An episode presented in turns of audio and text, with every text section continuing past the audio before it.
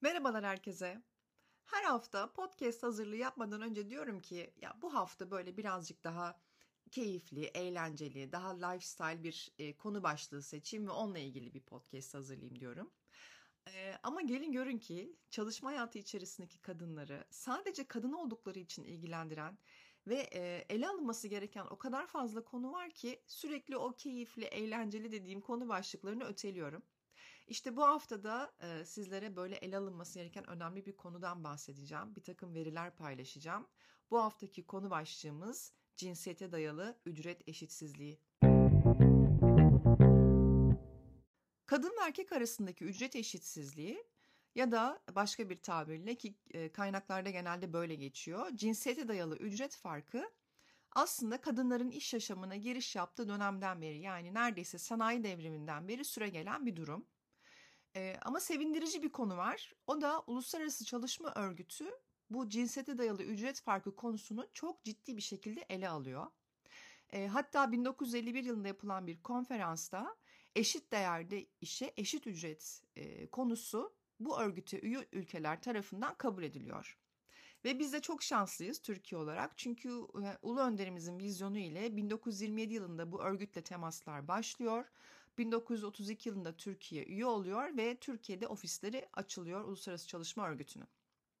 Çok kısa bu örgüte de değinmek istiyorum. Aslında örgütün amacı çalışma hayatında refahın vazgeçilmez olduğunu savunmak ve bununla ilgili projeler geliştirmek. E, sosyal adaleti, insan ve emek haklarını gerçekleştirmek için çalışmalarını sürdürüyor.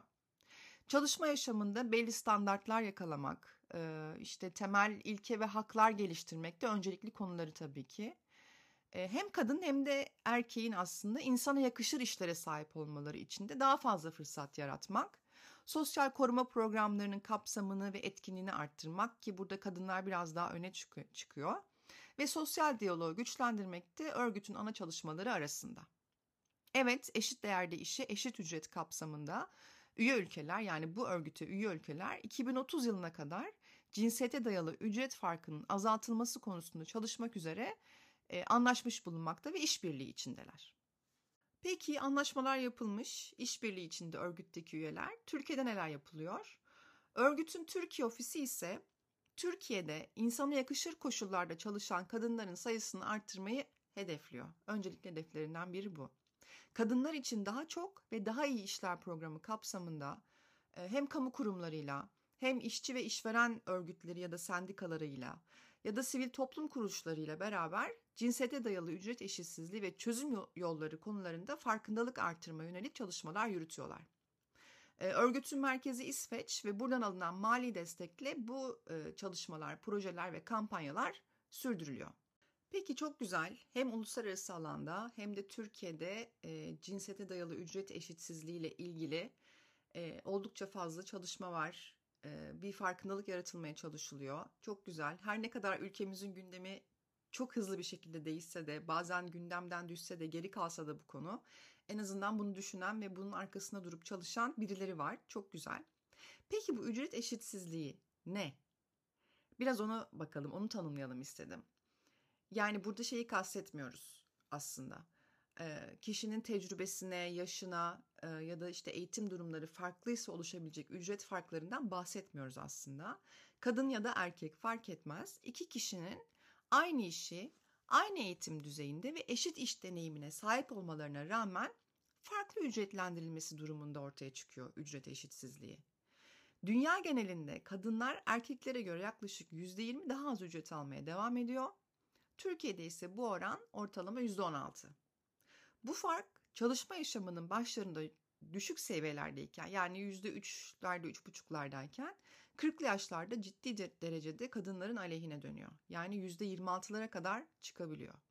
Eğitim seviyesi düştükçe ve kayıt dışı çalışmada arttıkça ücret farkı da büyüyor tabii ki. Peki neden kadınlar erkeklere göre aynı iş, aynı efor, aynı deneyim ya da eğitim düzeyinde olmasına rağmen daha düşük ücret alıyor? Bunlardan ilki kadınların iş gücüne katılım oranının düşük olması olarak söylenebilir bence. E, bu oran küresel seviyede erkeklerin 27 puan gibi çarpıcı bir düzeyde altında seyrediyor ne yazık ki. Yani kadınların iş gücüne katılımı erkeklere oranla 27 puan daha düşük ki bunu neredeyse podcast'te başladığım günden beri söylüyorum. Kadınların daha fazla iş hayatı içinde olması gerekiyor. Dünyanın belirli bölgelerinde bu fark 50 puana kadar çıkıyor. Yani Türkiye e, özelinde yapılan bir puan araştırması yok ama bizim gibi gelişmekte olan ülkelerde e, puanın 27'lerin üzerinde olduğunu düşünüyorum ben. Ekonomik hayata katılmayan kadın ücret ve kazanç konusunda da el, elbette tabii ki erkeğin gerisinde kalıyor ister istemez. İşte özellikle ev işleri ve sorumluluklarının, ev sorumluluklarının yani kadınlara daha çok yüklenmesi, çocuk veya evin yaşlısına bakımı gibi ihtiyaçların da kadınlar tarafından giderilmesi kadınların iş hayatına atılmalarında geride kalmalarına neden oluyor. Dolayısıyla ne kadar az kadın iş hayatındaysa ona göre tabii ki ücretler de daha düşük oluyor. Çünkü erkek gücü daha egemen oluyor iş hayatında ve ister istemez şirketlerin ücret politikaları da bunları etkiliyor herhalde diye düşünüyorum. Kadınların erkeklerden daha az ücret almasının nedenlerinden biri de bilinçsiz ön yargılar ve kadına biçilen toplumsal roller. Daha önceki podcastlerimde de hep söylediğim gibi şu ön yargıları bir kırsak ki bu da aslında herhalde eğitim seviyesiyle olabilecek bir şey bilmiyorum. Bu ön yargılardan kurtulsak her şey kadınlar için çok daha güzel olacak hele ki çalışma hayatında. Neler değiştirebileceğiz ben düşünemiyorum bile. Aynı işte sanki erkeğin daha çok efor sarf edeceği gibi veya kadın aynı işi e, er, aynı işle erkek kadar ilgilenmezmiş gibi bir ön yargı var maalesef. E, toplumsal roller desen aslında az önce e, söylediğim gibi kadınların iş hayatına erişmelerindeki engellerin devamı gibi. Yani işte kadınların çocuklarına bakmaları gerekir, evleriyle ilgilenmeleri gerekiyor. Yani aynı iş yapan erkekten daha fazla işi var, ev işleri de eklendiği için. Dolayısıyla aynı performansı erkek kadar gösteremez. O yüzden eh %10-15 daha az ücret alabilir gibi bazı düşünceler ortaya çıkabiliyor. Ya bu ön yargıları kırsak ve kadının toplumdaki rolünü erkekle eşit hale getirsek aslında bunların hiçbiri olmayacak. Yani annenin evle ilgili sorumluluğu ne kadar varsa bir aile ise bahsettiğimiz aynı şekilde babanın da var. Dolayısıyla her şey eşit aslında ama nedense bu ön yargılar e, ve bu toplumsal rol, biçilmiş rolden bir türlü kurtulamıyor çalışan kadınlar. Bir diğer konu ise bu daha az ücret almalarındaki e, çeşitlilik ve katılımcılık ilkesinin insan kaynakları politikalarına yansımaması. Yani burada neyi kastediyorum? E, tabii ki burada insan kaynakları departmanının e, bu konuyu çok ciddi ele alması ve bu politikayı da benimsemesi gerekiyor e, hani eşit işe eşit ücret yaklaşımının benimsenmesi gerekiyor demiştik ki işte bunun tüm kurumlarda uygulanması gerekiyor. Bu da herhalde insan kaynaklarının yapabileceği en önemli işlerden bir tanesi olabilir.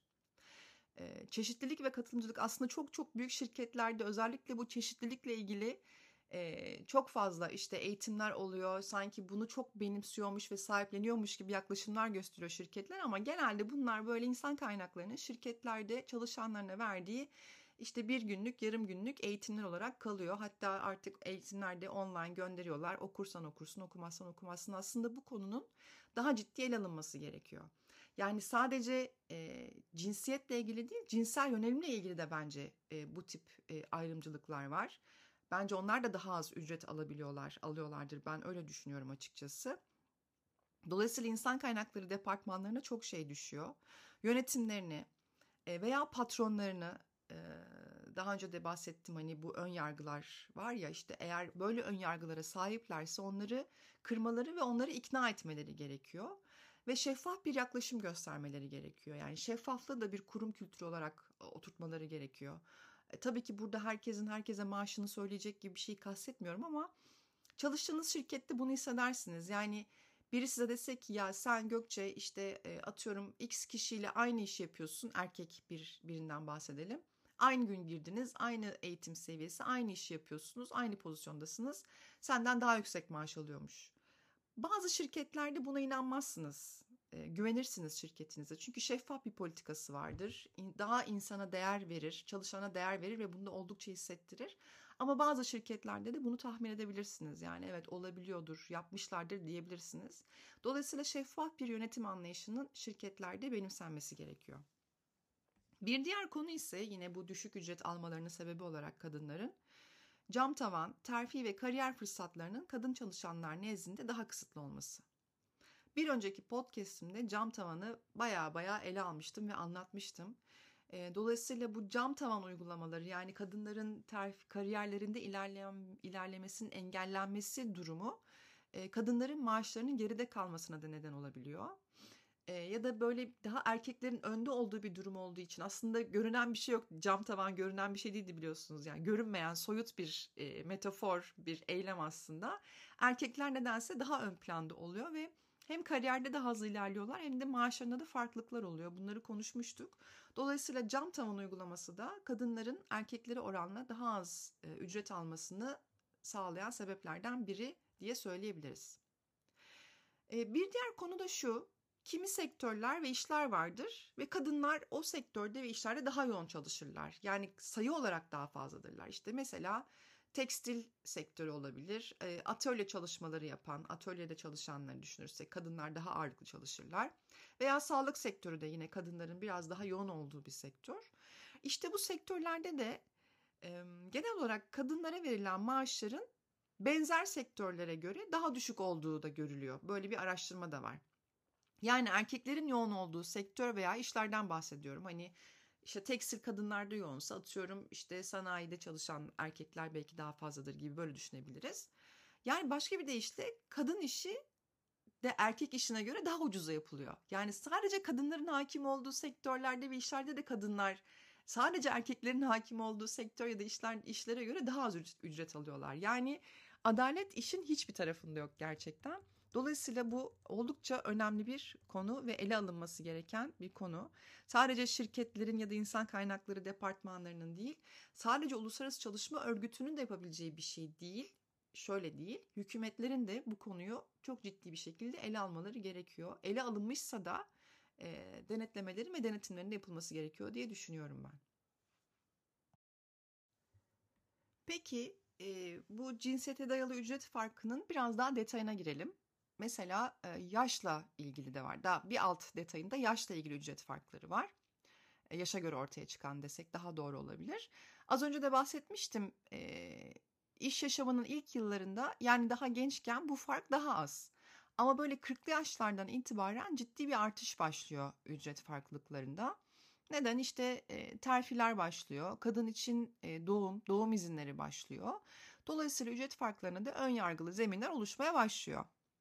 Bir diğeri ise eğitim düzeyine göre oluşan ücret farkları. Burada da üniversite ve yüksek lisans mezunlarında oranlar daha düşük ama yok değil.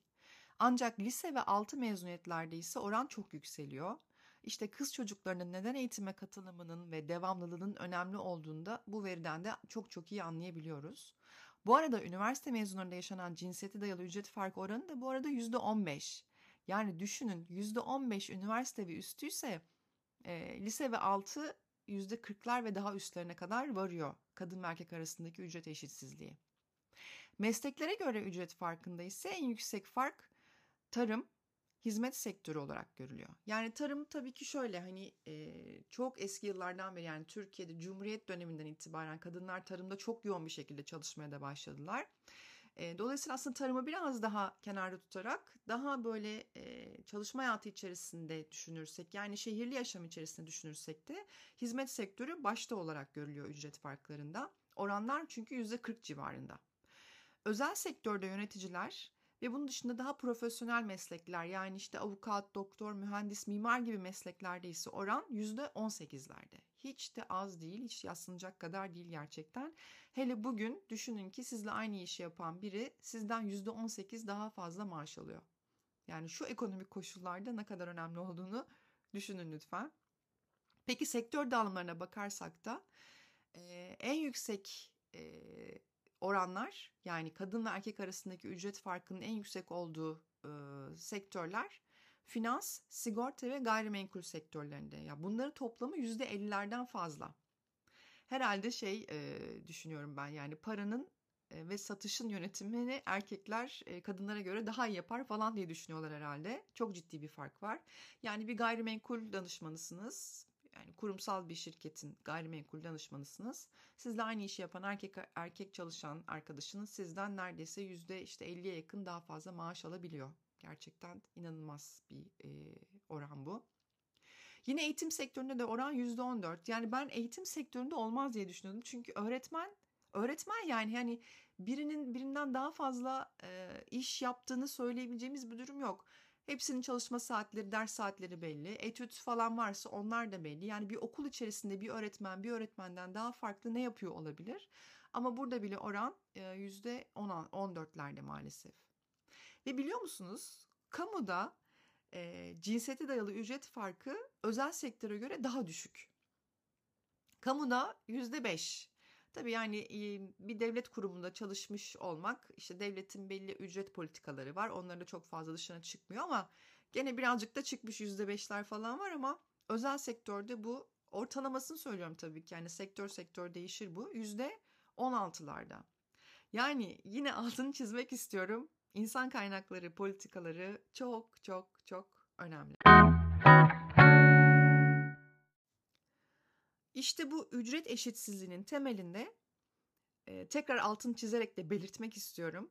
Kadınları ev yaşamına ait gören, daha korunmaya muhtaç, daha donanımsız bulan kalıplaşmış cinsiyetçi düşünceler yer alıyor. Bu yüzden bu eşitsizlikler ortaya çıkıyor. O halde eşit işe eşit ücret ilkesi neden gerekli? Birkaç maddeyle e, aklıma gelenlerle çok daha fazla çıkabilir mutlaka ama benim aklıma gelenlerle bir toparlayalım, bir özetleyeyim istiyorum.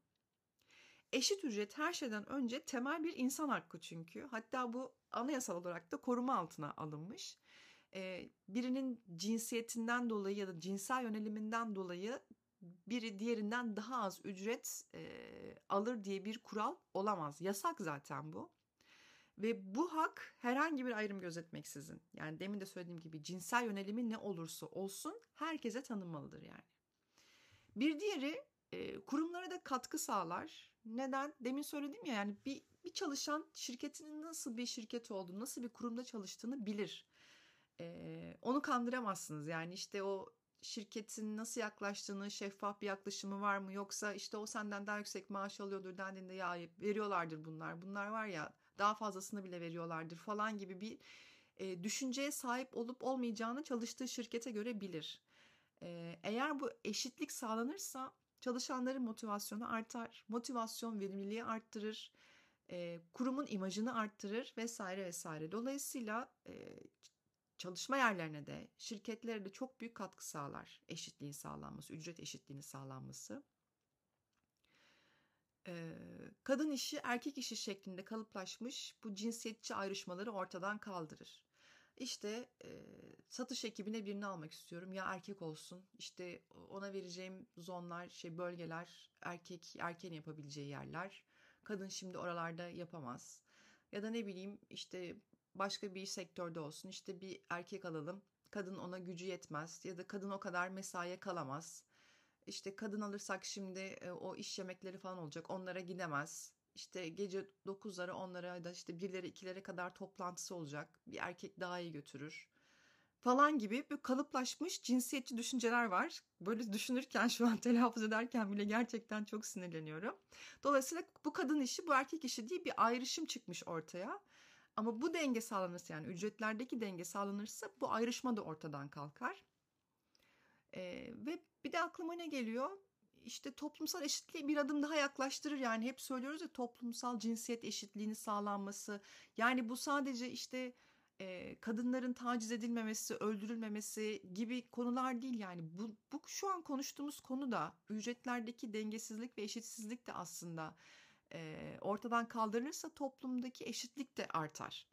E, aile ekonomisini güçlendirir gibi gibi. Peki biz kadınlar olarak ya da çalışanlar olarak öyle de değerlendirelim. Yani çünkü hem kadın hem erkek için eşit bir hak bu. Dolayısıyla biraz daha pozitif ayrımcılık yaparak kadınlar olarak biz neler yapabiliriz bu ücret eşitsizliğinin farkına vardığımızda bir onu düşündüm ve onu paylaşmak istedim sizlerle. Bu farklar karşısında neler yapabiliriz? Aslında böyle daha gençliğimizden yani eğitim hayatımızdan başlıyor her şey. Keşke o farkındalıkla yetiştirilsek ama her zaman işte iyi bir rehber olmuyor önümüzde. İşte yeter ki sınava gireyim, üniversiteyi kazanayım, nereye girersem gireyim, yeter ki üniversite bitireyim yaklaşımında oluyoruz. E, çoğumuz böyleydi. E, bir, bir okul bitireyim de ondan sonrasına bakarız gibi bir durumumuz oluyordu. Özellikle böyle benim gibi 40 yaşlarında olanların işte e, lise son hallerini düşünün, üniversiteye hazırlandığınız zamanlarınızı düşünün lütfen. Öyleydik çoğunlukla. Yani rehber öğretmenlerimiz de onlar kim rehber olsun yani benim öyleydi açıkçası. E, o yüzden yani gelecekteki işimizi hesaba katarak eğitim hayatımızı şekillendirmemiz, ona göre okul seçmemiz gerekiyor. Ama bu belki şu anki çocuklar için ya da ki şu an beni dinleyen çalışan anneler çocuklarınız için bunu yapabilirsiniz gerçekten ki inşallah onlar iş hayatına geldiklerinde e, böyle ücret eşitsizliği falan gibi konular çoktan rafa kalkmış olur. E, ama Türkiye çok çok geriden geldiği için bu tip konularda e, gene de hazırlıklı olmakta fayda var. Gerçekten eğitim hayatımıza karar verirken gelecekte ne iş yapmak istiyorum, nasıl bir kurumda çalışmak istiyorum bunları da hesaba katıp ona göre eğitim hayatımıza yön vermemiz gerekiyor. Bunun dışında çalışacağımız sektörü iyi belirleyebiliriz. Burada tabii üniversite işte yüksek lisans mezunu e, kadınlar biraz daha şanslı oluyorlar hani sektör belirleme konusunda. E, çünkü artık lisans eğitimi tamamlamış olmak yani iş ilanlarında öylesine yazılan bir konu. Yoksa hani bitirdiğiniz okul okullar, kaç dil bildiğiniz falan gibi konular artık e, çok fazla gündemde. E, işte çift anadal yapmış olmak falan bile fark yaratabiliyor. Özellikle, özellikle iş hayatının başında daha tecrübe kazanmamışken. E, o yüzden çalışacağımız sektörü ya da o sektördeki kurumları da iyi belirlememiz gerekiyor. Yani aslında bu bir araştırma. Yani açıp işte LinkedIn'e sırasıyla iş ilanlarına bakıp çat çat çat kolay başvuru yapmak değil artık olay. Çünkü şirkete girdikten sonra aa işte bu şirket de böyleymiş. Daha birinci ayımda bak neler oldu. İşte şunu öğrendim. İşte ücretler böyleymiş. Ben işte çok e, düşük ücrete anlaştım falan gibi hayal kırıklıkları yaşayabiliyoruz. O yüzden çalışacağımız sektörü de iyi belirlememiz gerekiyor. Veya şunu yapabiliriz. Ee, keşke herkesin öyle bir şansı olsa ama çok yönlü bir meslek seçebiliriz. Ee, yani tek bir sektöre bağlı kalmadan e, çalışılabilecek bir e, meslek seçebiliriz. E, burada hani profesyonel mesleklerden bahsetmiyorum tabii ama atıyorum işte bir finans uzmanıysanız hemen hemen her sektörde çalışabilirsiniz. İşte satın alma işi yapıyorsanız hemen hemen her sektörde çalışabilirsiniz. Ama çok niş kuralları olan, belli regülasyonda olan sektörlerde çalışıyorsanız farklı sektörlere geçmekte biraz zorlanabilirsiniz. Dolayısıyla hep aynı sektör içerisindeki belli firmalar arasında kaldığınız için çok fazla iş değiştirme şansınız da olmayabilir. O yüzden dediğim gibi böyle farklı sektörlerde aynı iş yapabileceğiniz bir mesleğimiz olursa işte bu ücret farkı konusu sizin için hani en azından bir çeşitlilik olur ve başka bir şirkete geçme ya da sektöre geçme şansınız olur. Yani ücret eşitsizliği yaşamayacağınız bir şirkete ya da sektöre geçme şansınız olabilir. Bir de şu var, bence bu da çok önemli bir konu. Eğer bir aile kuracaksanız, e, biz kadınlar yani kuracaksak genelde kuruyoruz. Çalışma hayatımız ve sosyal hayatımızda bizi destekleyecek eşlerimiz, hayat arkadaşlarımız olmalı. Bunu seçmek de çok önemli gerçekten. Yani işte ya bana işte daha düşük ücret veriyorlarmış. E boş ver gitme işe bırak sen de o zaman falan gibi bir yaklaşımda olmaması gerekiyor işimizin. Ya da işte ev işlerine, çocuğun bakımıyla ilgili işlerde eşit efor sarf etmemiz gerekiyor ki kadınlar performans olarak e, iş yerlerinde geride kalmasınlar ya da böyle algılar kalmasın en azından. Dolayısıyla seçtiğimiz hayat arkadaşımız da gerçekten çok çok önemli. Ya da özellikle çalışan anneler için söylüyorum çocuklarını destekleyen, e, bakımına destek verecek firmalar gibi böyle daha büyük ve daha eşitlikçi yaklaşım gösteren firmalarda çalışmayı seçebiliriz mesela. E, bazı şirketlerde gerçekten çocuklarına göre alanlar da yapılmış falan hani böyle alanlar var çocuklarını getirip bırakıp kreş gibi yani öyle alanları olan firmalar bile duyuyorum ben. Ya da bu konuda daha esnek olabilen işte daha hibrit çalışma yaklaşımı göstermiş ki hele ki pandemiden sonra bu çok çok daha arttı ama e, yani çocuğunuzla ilgili bir durumdan dolayı sürekli izin almak falan zorunda kalmayacağınız, bu konuda dikkat çektiğinizi düşünmeyeceğiniz bir firmada çalışmayı seçebiliriz. E, ya da çocuk sahibi olarak çalışmaya başlarken işte ulaşım süresini azaltmak, ya da ne bileyim daha rahat bir günlük hayat ve iş hayatı dengesi kurmaya izin veren firmalarda çalışmayı seçebiliriz. Çünkü bu tip firmalarda dediğim gibi burada çalışana ve insana değer ön planda olduğu için ücret eşitsizliği çok fazla gündem olacak bir madde gibi olmaz. Olmaz daha doğrusu. Bir de şu var. Özellikle işte bir şirketten bir şirkete geçerken mesela ya da fark transfer olması gerekmez yani bir, bir işe başlarken bu ücret konusunda pazarlık yapmayı böyle biz bir ayıp görüyoruz yani. Halbuki ücret pazarlığı yapmak ayıp değil. Yani babanızın hayrına o parayı vermiyorlar bize. Biz de bir tecrübe katacağız oraya.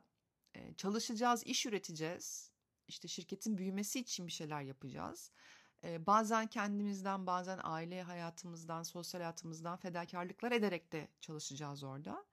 Dolayısıyla pazarlık yapmak ayıp değil. Bir de iyi araştırma yapmak gerekiyor. Yani sadece çalıştığımız şirketten kurtulmak için başka bir şirkete geçmek de doğru bir yöntem değil. İyi araştırmak, o sektördeki o şirketin konumunu, çalışanların durumu ne, mutlular mı, ücretler nasıl, çalışanını bu anlamda koruyor mu, şeffaf bir yaklaşımı sergiliyor mu gibi konuları benimsiyor mu? Yani şirketleri araştırıp öyle iş değiştirmek gerekiyor ve ücretin pazarlığında yapmak gerekiyor bu anlamda. Yani eğer bir şey duymuşsanız, ücretlerle ilgili bir şey biliyorsanız ve size de teklif edilen bunun altındaysa o zaman bunun pazarlığını yapma gücümüzde olmalı. Öyle bir hakkımız var zaten. Yani ayıp bir şey değil. Onu vurgulamaya çalışıyorum. Çekimser davranmaya gerek yok. Ve tabii ki çalışırken de çalıştığımız iş yerinde yani tüm haklarımıza sahip çıkmamız gerekiyor. E, çünkü sadece biz kadınları değil aslında herkesi koruyan bir anayasa maddesi var. Bu eşit işe eşit ücret e, konusu. E, dolayısıyla yani bu konuda konuşmak, çekimser davranmak da doğru değil. Bunu dile getirebiliriz. Tabii ki hani her kurumda ve şirkette şirkette dile getirmek kolay olmuyor. Çünkü işini kaybetmiş, işte mimlenme, işte ilk küçülmede seni işten çıkarırlar falan gibi çok fazla durum var. Bir, bir, bir korku da oluyor. Hele ki şu, şu dönemde yani şöyle bir ekonomik ortamda gerçekten ay bunun içinde işimi kaybedemem yaklaşımı çok fazla olabilir. Doğru onda da haklısınız ama e, çok sessiz kalmamak ve haklarımızı bilmemiz de gerekiyor. E, o yüzden böyle arada bir girip hani işçi hakları neymiş diye böyle arada bir açıp okumak lazım. Sadece böyle işte kötü ayrıldığımız bir şirketi dava ettiğimiz zaman aa benim böyle haklarım da varmış diye öğrenmektense çalışırken de bazı haklarımızı bilip bazı taleplerimizi o haklarımıza göre e, doğru üslupla dile getirmek de oldukça önemli diye düşünüyorum ben. Peki çözüm ne? Yani cinsiyete dayalı ücret eşitsizliğinin e, ortadan kalkması nasıl olabilir? Çözümler ne olabilir? En önemlisi farkındalık yaratmak. Yani çalıştığınız şirketi bir düşünün. Gerçekten böyle bir dengesizlik olduğunu düşünüyorsanız ya da biliyorsanız bunlar belli platformlarda dile getirilebilir. Kavgacı bir üsluptan bahsetmiyorum ama mutlaka çalıştığınız şirkette belli durumlarda ya da platformlarda bu konuların konuşulduğu dönemler oluyordur. O zaman bu geri bildirimler verilebilir. Biraz farkındalık arttırmak gerekiyor. Yani kimse sesini çıkarmazsa herkes mutlu ve bir sorun yokmuş gibi düşünebilir e, şirketler ve yönetimler. E, dolayısıyla farkındalığı arttırmak gerekiyor. Onun dışında belki de şirket yönetimlerine bir takım e, danışmanlıklar aldırmak gerekiyor şeffaf bir politikayı sahiplenmek ve ücret eşitsizliğini ortadan kaldıracak bir yaklaşım, bir kurum kültürü oluşturmak gerekiyorsa bunun nasıl yapılacağıyla ilgili Türkiye'de çok iyi danışmanlıklar veren şirketler var. Onlardan destek alınabilir. Onlarla bir yol haritası çizilebilir. ve bunların bu konuların hep takip edilmesi gerekir. Yani biz yaptık, eğitim aldık. Tamam bundan sonrası artık neyse o gibi bir yaklaşımla bu iş düzeltilmez. Sadece bizim yapacağımız değil, tabii ki işte sendikaların, örgütlerin ve e, hükümetlerin de yapacağı şeylerle beraber e, bu ücret dengesizliğinin ortadan kalkacağı ile ilgili bir umudum var benim. E, Türkiye 2030 yılına kadar hedef koymuş. Umarım çok çok daha erken bir dönemde bu ücret eşitsizliği oranları en azından oldukça düşer. Ve ben herkesin, e, beni dinleyen herkesin e, bu ücret dengesizliği, eşitsizliği konusunu yaşamamasını gönülden diliyorum.